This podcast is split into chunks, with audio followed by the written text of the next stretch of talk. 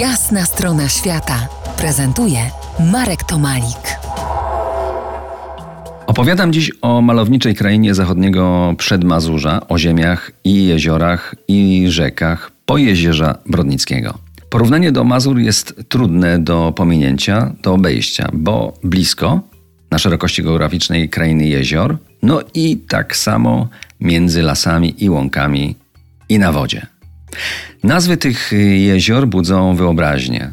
Wielkie Partęczyny, Skarlińskie, Bachotek, Sosno, Płowęż, Wądzyńskie, Łąkosz, Zbiczno. Nazwy trudne i myślę, myślę, że także nawet dla nas, dla Polaków. Tych jezior jest aż setka. Nie wszystkie mają tak trudne nazwy. 40 z nich chroni Brodnicki Park, Park Krajobrazowy. I właśnie te są zaliczane do najczystszych jezior w regionie i może w całej Polsce. Zresztą sama woda to 10% wspomnianego parku, a 60% to lasy, ciągle jeszcze zdrowe lasy. Idealne do pieszych i rowerowych wycieczek. A jeśli na wodzie, to może kajakiem? Spływ drwęcą czy skarlanką należy do najbardziej obiecujących w piękne widoki i nieskażoną naturę w skali kraju. Drwęca na prawie całej swojej długości jest rezerwatem przyrody. Szczególnie atrakcyjny jest przełomowy odcinek od Nowego Miasta Lubawskiego do ujścia Brynicy, gdzie rzeka płynie głębokiej na 50 metrów dolinie. Toż to prawie kanion, a przynajmniej wąwóz. Odcinek Doliny powyżej Brodnicy uznawany jest za ostoje ptaków. Jest to tak zwana bagienna Dolina Drwęcy. No dobrze, a czy są tam uroczyska dla opornych aktywności? Oczywiście.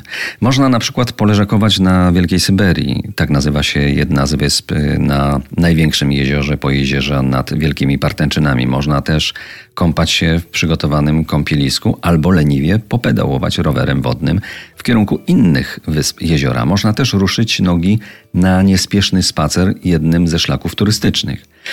Można też z leżaka przez lornetkę wypatrywać drogi na Ostrołękę, choć nie wiem, czy w binoklu taka się pojawi. Próbować zawsze można.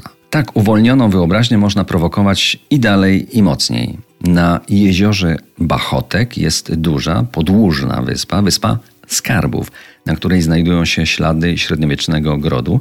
W tamtych czasach było to schronienie przed najeźdźcami. A skoro tak, to niechybnie miejscowi zakopali tam swoje skarby. Nie zachęcam do przekopywania, bo w tej materii uczyniono już wiele, ale pomarzyć, tak jak mówiłem wcześniej, zawsze można. Za kilkanaście minut po jasnej stronie świata ostatnia odsłona Pojezierza Brodnickiego. Mam jeszcze inne dobre wieści, którymi spróbuję Was zaskoczyć. Zostańcie z nami w RMF Classic. To jest jasna strona świata w RMF Classic.